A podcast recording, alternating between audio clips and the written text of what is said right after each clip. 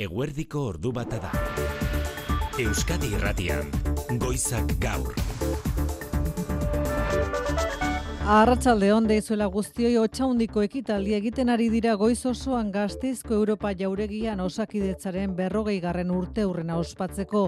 Urkullu lehendakaria buru dela gotzone sagardui egungo osasun sailburuak nabarmendu du. Osakidetzak gure ongizateren muina izaten jarraituko duela etorkizunean ere. Mezu politikoaz gainala ere izan dira une unkigarriak COVID pandemiaren hasierako kudeak eta egokitu zitzaion nekane murga sailburu oia hitza hartu duenean. No puedo dejar de mencionar momentos como cuando me avisaron que se moría el primer profesional sanitario, las fotos de mis compañeros con sacos de basura y otros. Entonces, gracias. Es que.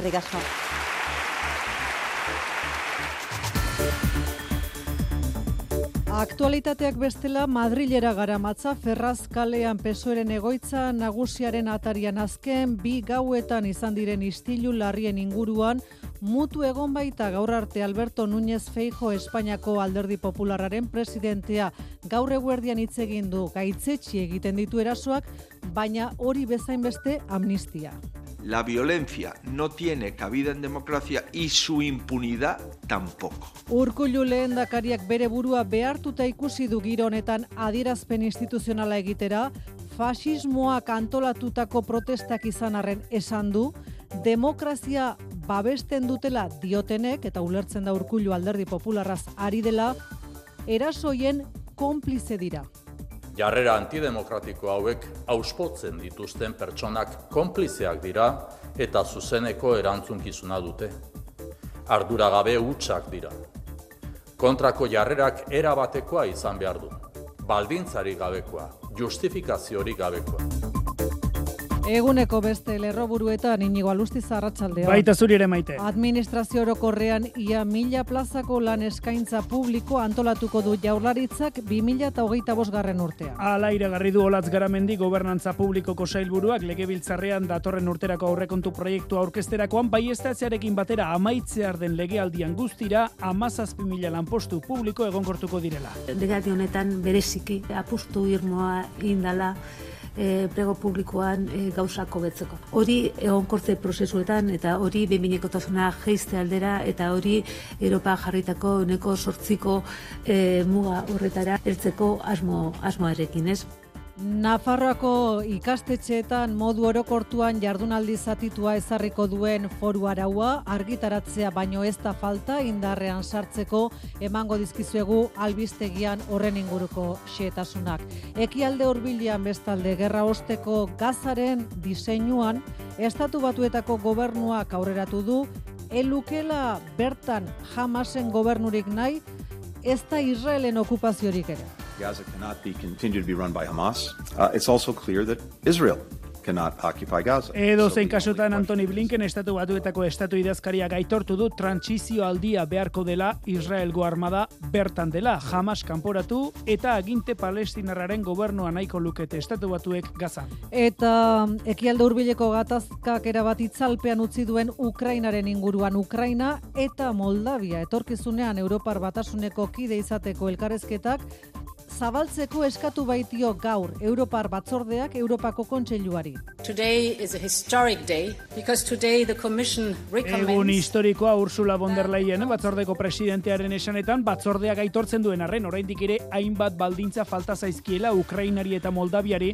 zuzenbide estatuarekin eta hizkuntza gutxituekin lotutakoak. Aurrerago Bosnia Herzegovina batasunan batasunean sartzeko aukera ere jaso du batzordearen azken txostenak. Jaione Munarriz, Euskalmet Arratsaldeon. Kaixo Arratsaldeon. Nola datu zurren gordua Jaione? Ba, goiz eguzkitzu baten ostean, esango dugu arratsaldean egomendebaldeko aizeak gauean iritsiko zaigun fronte bati loturiko deitza bultzatuko duela, eta ondorio zorduek aurrera ginala bazterua lainotu ze joango da. Arratsaldean ez dugu baztertzen, eh? lekure batean txantxaren mate edo beste botatzea, baina orokorrean fronteak gauean iritsiko denez orduan egingo du euritara. Eguna amaitzerako beraz, euria mendebaldetik ekialdera zabalduz joango da.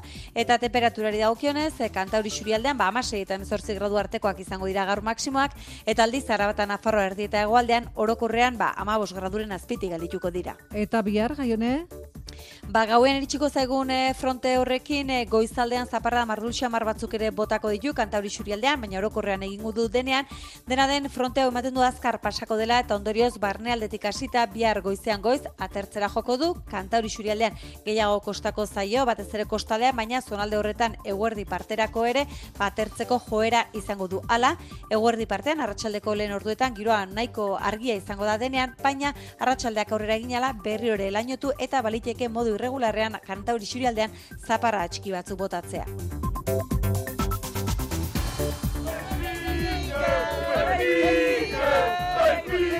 Hau zuretzako propio, Jose Maria Paula Arratsaldeon, Donostiako alde zarrean aurkitu dugun giroa. Talde historiko bat, Benfica, gaur Donostian, txapeldunen ligan. Bueno, futbol talde batek eh, ligako partidak eta jokatzen ditu, noizbait gero, ba, talde historiko hauen kontra aritzeko.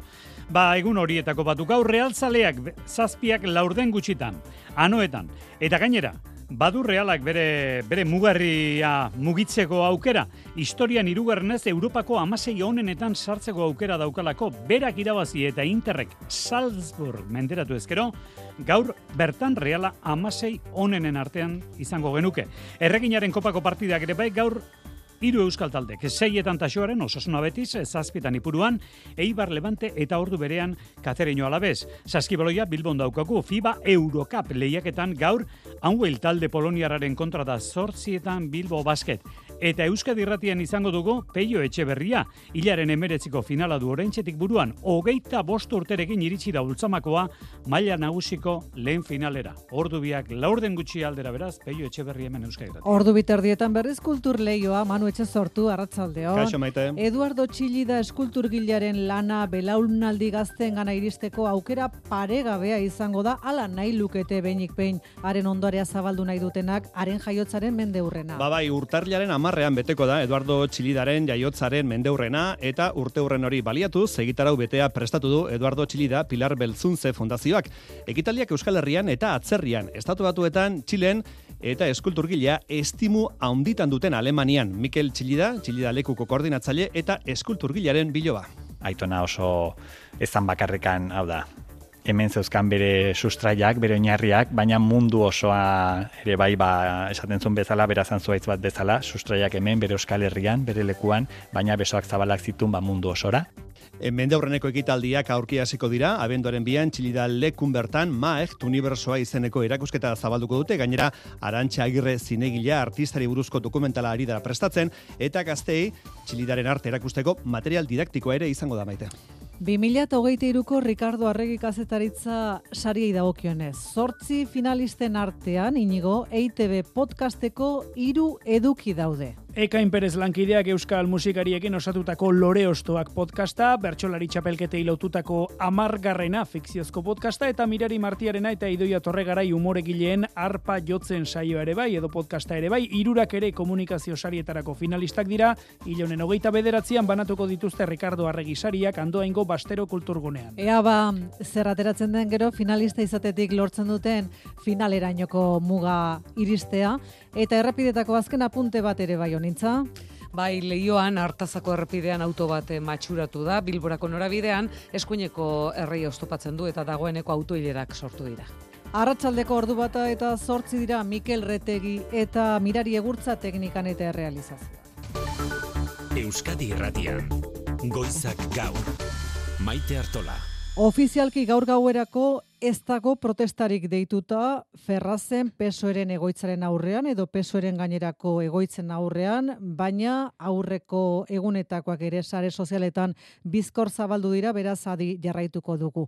Deitzaileen artean orain arte Voxen gazte erakundea egonda, baina alderdi sozialistak pes, peperengan jarri du azken orduotan presioa, peperen gaitzespena entzun nahi zuen, entzun duena baina ozenago, gaur arte ez du hitz egin Alberto Núñez Feijo, alderdi popularreko presidenteak, zer esan du Mikel Arregi arratsaldean? Kaixo, arratsaldeon bai, azken egunotan amnistiaren aurrean kalean erantzuteko eskatu eta gero eta astebururako mobilizazioak iragarri ostean Alberto Núñez Feijok bart gaueko istiluen inguruko gaitzespen epela egin du Partidu Popularra indarkeria ororen aurka dagoela gogoratu du bai, baina pesoek kritika egiteko zilegitasun guztia galdu duela gaineratuta.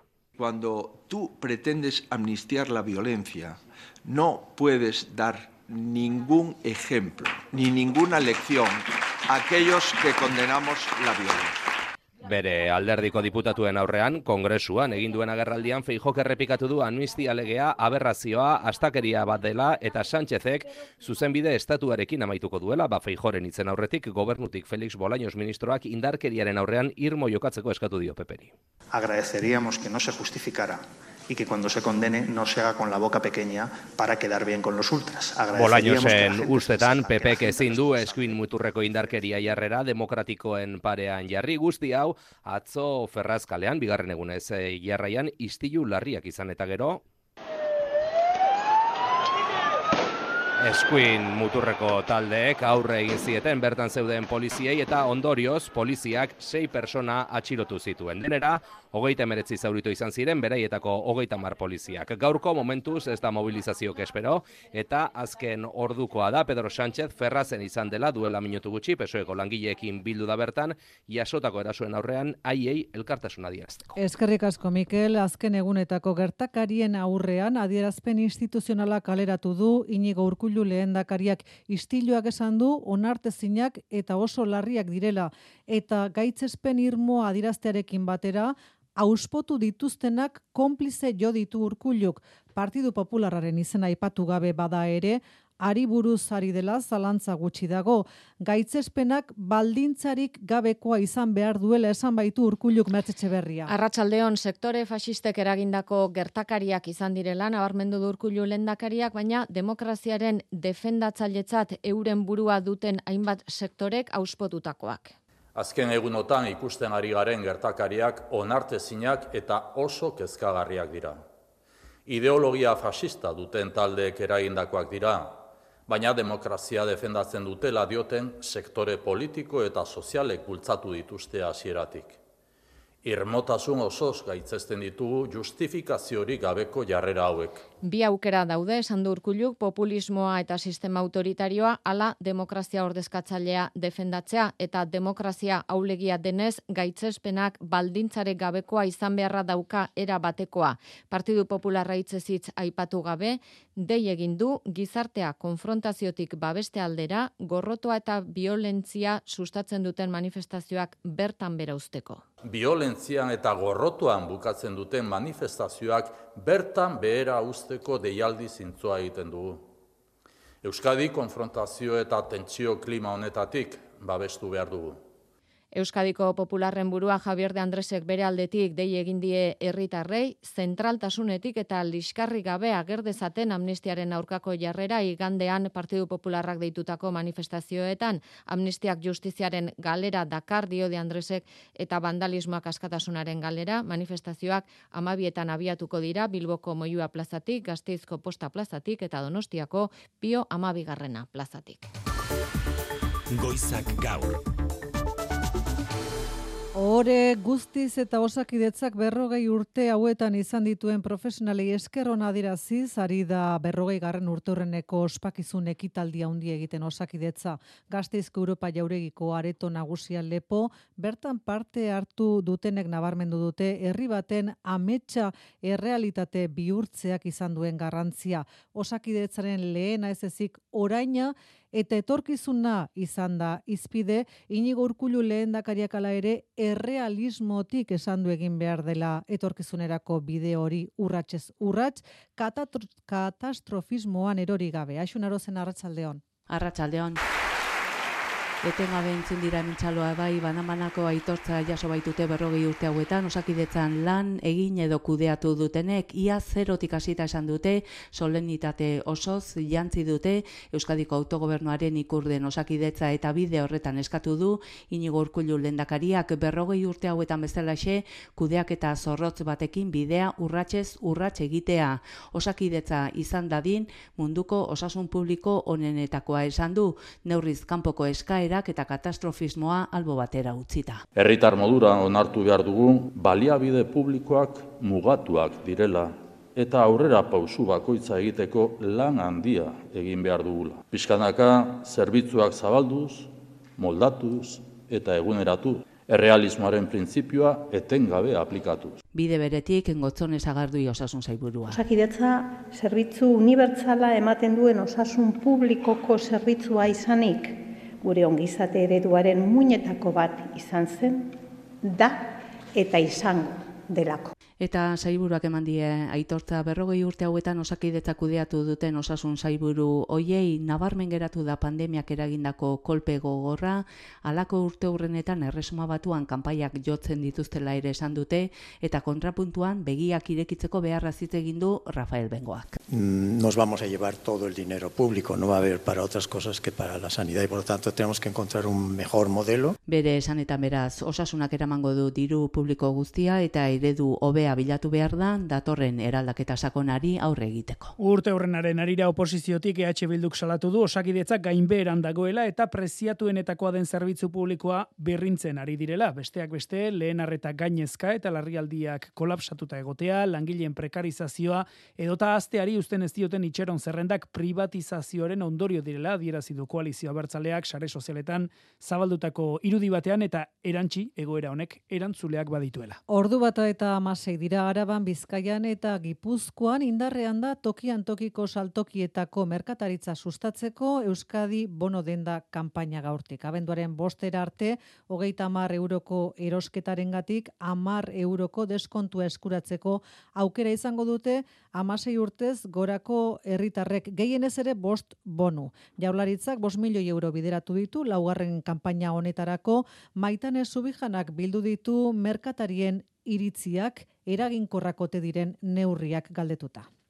Merkatari batzuen iritziz beharrezko egitasmoa da lagungarri zaiela aitortu digute esaterako hitz dendan. Komertzio txikiak behar dutelako, pixkat movimentu gehiago, erosketa gehiago.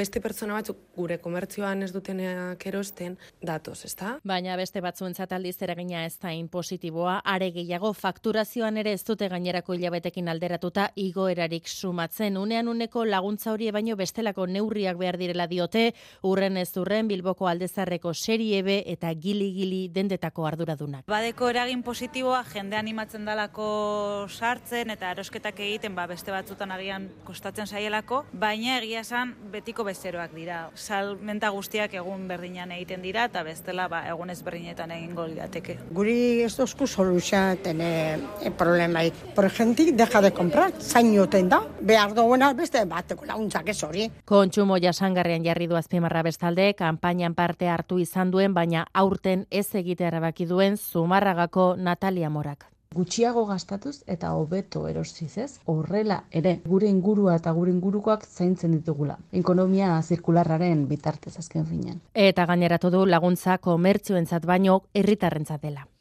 Nafarroako ikastetxeetan modu orokortuan jardunaldi zatitua ezarriko duen foru araua argitaratzea besterik ez da falta indarrean sartzeko. Jardunaldi zatitua modu orokortuan foru arau horrek berak jasoko baitu mekanismoa ala nahi duten ikastetxeek jardunaldi jarraitu ezar dezaten beti ere ikastetxeko irakasleen bierenaren babesarekin eta bertan erroldatutako familien hiru bostenaren baiezkoarekin. Gehiegizkoa iruditu zaio hori sindikatuei Aitor Perez konta iguzu. Hala da bai, gaur egun Nafarroan aurre eta lehen hezkuntzako egun eta berrogeita lau ikastetxe publikok dute jardunaldi jarraitua eta hogeita bostek zatitua kontzertatuen artean berri zamairu jarraituan ari dira eta hogeita maseik aldiz jardunaldi zatitua dute. Bada datorren urterako Nafarroako gobernuak reset moduko bat egingo du pandemian abiatu eta urrengo urteetan jarraipena izan zuen esperimentazio fase bati amaiera eman eta jardunaldi zatitua ezarriko du guztietan. El Consejo Escolar ha manifestado un total apoyo y va a haber además libertad de elección. En este momento Amparo López gobernu bozera mailea gargi utzi du alere foru aginduak ikastetxeei nahi duten jardunaldia utatzeko aukera emango diela horretarako duela bi urte hainbat ikastetxek egindako prozesua errepikatu beharko da. Orduan bezala gehiengo kualifikatua beharko dute jardunaldi aldaketa hori gauzatzeko. Ikastetxe bakoitzean erroldatu da, erroldatuta dauden familien euneko irurogeik baiezko eman beharko dio eta ondoren eskola kontseiluaren bi erenek sindik sindikatuen iritziz gehiagizko kopuruak dira eta horiekin gobernuak jardunaldi zatituaren aldeko jarrera argia dirazten duela diote Angela Campo Steilas. eman nahi diogu erabaki eskumen hori alde batetik eskola komunitate guztiei eta errespetatu urte hauetan egin diren prozesu horiek. Eta gero bestaldetik ere oso harrigarria egiten zaigu zergatik dagoen hain bideratua zatitura, ez? Foru aginduaren kontrako lehen protestak deitu dituzte jada sindikatuek eta bi arratsaldeko bosterdietan foru jauregiaren aurrean elkarretaratzea egingo dute. Ordu bat eta hogei dira jodezagun orain Lizarrara. Gaur arratsaldeko zazpietan agurtuko dute Mateo Txikia Lizarrako San Juan Bautista Elizan. Behin betiko ikerketaren emaditzen zain badirudi aitak ubabako begiralekutik, mila eta irureun metrotik, amildu arazizuela semea, berarekin batera, besarkatuta zuela. Herri guztia jakina baina bereziki Lizarrako ikastolak xoke egoeran jarraitzen du. Psikologian aditua den elkarteko kideak bertaratu dira gaur gurasoekin eta ikasleekin gertatutakoa hitz egiten laguntzera, baina gaur hitzak ateratzea Lizarran zaila zen. Eliraso Arratsaldeon.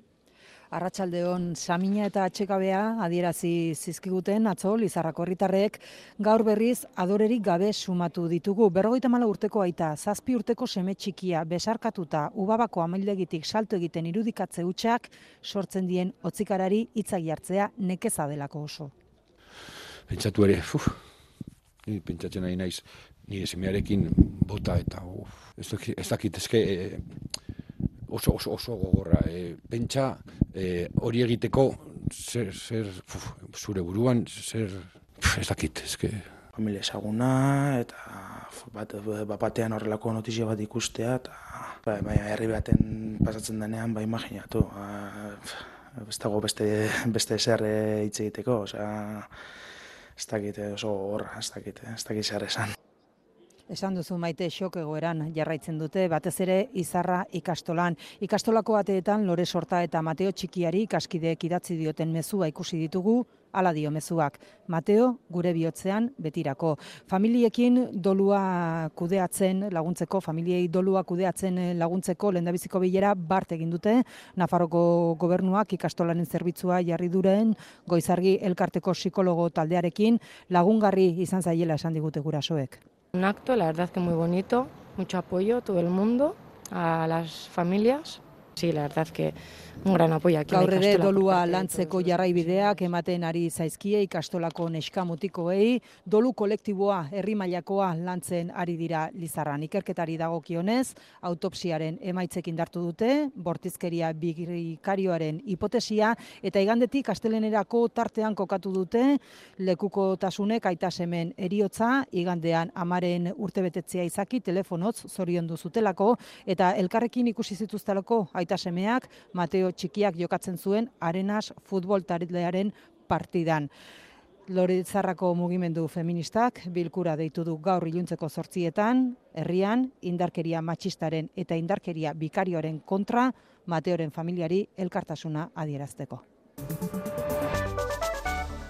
Israelgo gobernuak sueten eskari entzungor egiten jarraitzen du, baita estatu batuetako gobernutik egindako eskariei ere, jamasen esanetan bien bitartean amabi baitu askatzeko aukera zapuztu egin du Israelek azken orduotan. Sueten hartzeko netan jajuren lehen balditza, baitu guztiak askatzea da, bien bitartean lurrez eta airez eraso egiten jarraitzen dute Israelgo soldaduek dagoeneko gaza hiri barruraino sartuta. Jerusalemen azken ordua Mikel Aiestara neite beren bidali bereziak. Arratsaldeon Joe Bidenek presioa egin dio Israeli gazan hiru eguneko suetena onar dezan. Benjamin Netanyahu oraingoz uko egin dio. Lehen ministroak suetena baztertu du Hamasek urriaren zazpitik bere esku dituen berreunda berrogei gatibuak askatu arte. Gatibu horien familiek protesta kanpaleku bat altxatu dute parlamentuaren aurrean, netan jauri irmo eusteko eta suetena ez onartzeko eskatzeko, aurretik bereak askatzen ez badituzte. Azken orduetan, jamasek amabi baitu atzerritarra askatzeko prest dagoela jakin arazidu, baina Israeli leporatu dio askapen hori galaraztea. Orain arte islamistek lau emakume askatu dituzte Katarren bitartekaritzari esker. Gaza barruan, beste egun batez, armadak lau orduko zirrikuitua ireki du zibilek iparraldetik ies egin dezaten. Azken egunotan, amabos mila pertsonak erabili dituzte zerrikitu horiek nazio batuen datuen arabera. Ekialde hurbilak erabat itzalpean utzi duen Ukrainako gerrari dagokionez, gaur Europar batzordeak aurrera urrats garrantzitsua emandu izan ere Ukraina eta Moldavia etorkizunean Europar batasuneko bazkide izateko elkarrizketak zabaltzeko eskatu dio Bruselak Europar Kontseiluari eta zabaltzeko jada abenduan bertan Amaia Portugal Brusela Arratsaldeon. Arratsaldean, bai, batzordeak ez du gehiago itxaron nahi, Ukraina eta Moldaviari eta bide batez Errusiari mezu politiko irmoa emateko. Aitortu du Ursula von der Leyen presidenteak, ez dituztela baldintza guzti guztiak bete, hautagai soi izatetik negoziazioak zabaltzera pasatzeko, Ukrainaren kasuan euneko laro mar. Baina berdin-berdin gomendatu du batzordeak, kontseiluak baimena eman diezaiela negoziazio fasea zabaltzeko, abenduaren amalau eta amabostean duten goibileran. Ursula von der Leyen. The Commission commends these efforts. And on this basis, we have Orain arteko aleginei aitortza egiteko ala, gerra betean erreformak egin dituztelako justiziaren ustelkeriaren edo prentsa askatasunaren alorrean. Ukrainaren kasuan, neurri gehiago dituzte hartzeke, oligarkek politikan duten eragina murrizteko edo gutxiengoak babesteko, baina batzordeak agindu du kontseiluak abenduan argiberdea emanezkero, martxorako egingo dutela txosten berria gauzak zertan diren prozesua bizkortzeko balioko duelakoan. Hori Ukraina eta Moldaviari dagokienez. Koska bat berago Bosnia Herzegovina oraindik negoziazioak zabaltzeko gomendiorik ez, baina atea zabal zabalik utzi dietela dio Bonderleienek azken baldintzak betez gero eskura dutela. Eta beste koska bat berago Georgia iaz egin etzioten keinua egin diote orain batzordetik hautagai estatusa baldintzapean bada ere. Bestalde Mendebaldeko Balkanekin zorretan da Brusela eta batzordeak azkunde plana proposatu die. Merkatu bakarrean sartzen hasteko urrats irmoak biltzen dituena.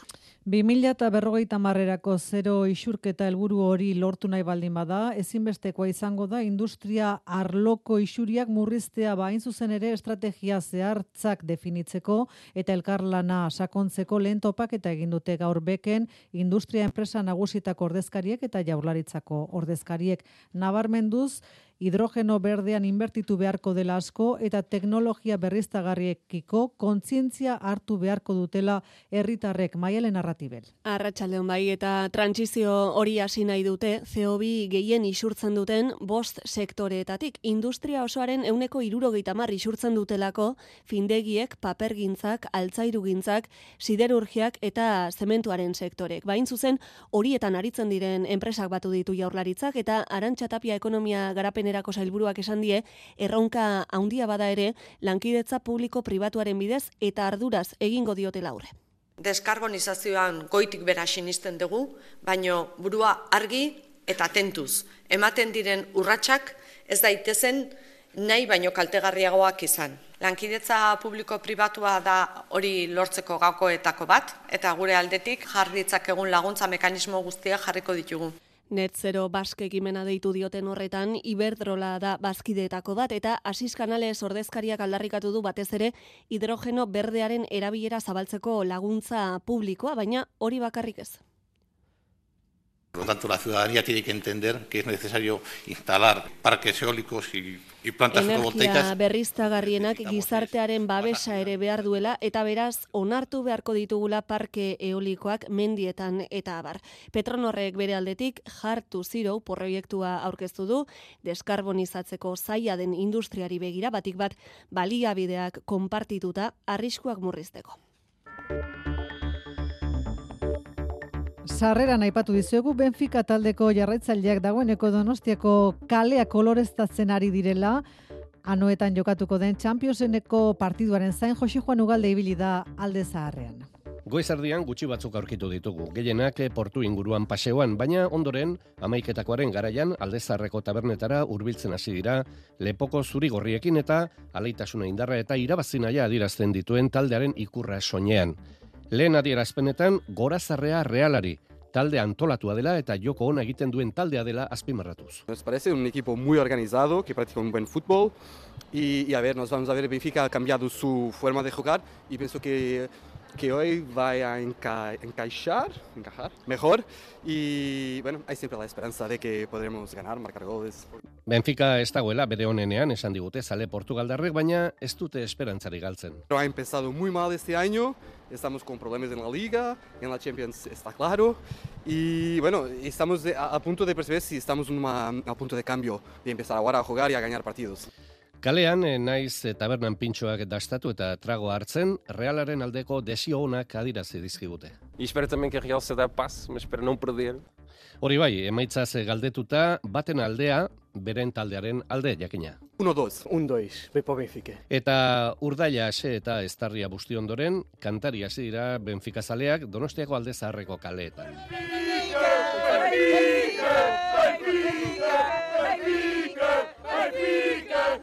Ordu bat aterdiak dira eta kirolegezen partida horren inguruko xetasun guztiak emango dizkizue Josi Maria Paolazak, baina guk azken orduko albiste badaukagu oraintxe. Espainiako iturri diplomatikoek zabaldu duten albistea hilda dagoela Iban Ilarramendi jamasek baitu zuen Euskal Herritarra Madriden zer dakigu Mikel Arregi Arratsaldeon. Arratsaldeon berriz ere Espainiako gobernuko atzerri gaietarako e, ministerioak baiestatu berri digu Iban Ilarramendi 46 urteko bilbotarra hilik dagoela. Momentuz ez dute informazio gehiago eskaini xehetasunak familiak eskainiko dituela besterik ez gogoratu Ilarramendi pasaden urriaren zazpiko erasoan baitu zuela jamasek bere emaztearekin batera eta ordutik gazan preso izan dutela.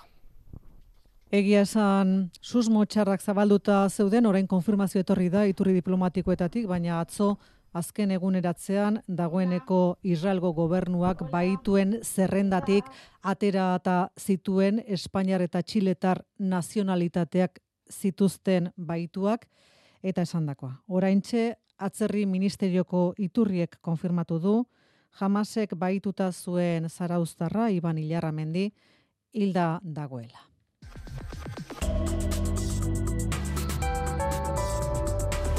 Euskadi Irratian eguraldia eta trafikoa. Luis Eron errepidetan ze berri.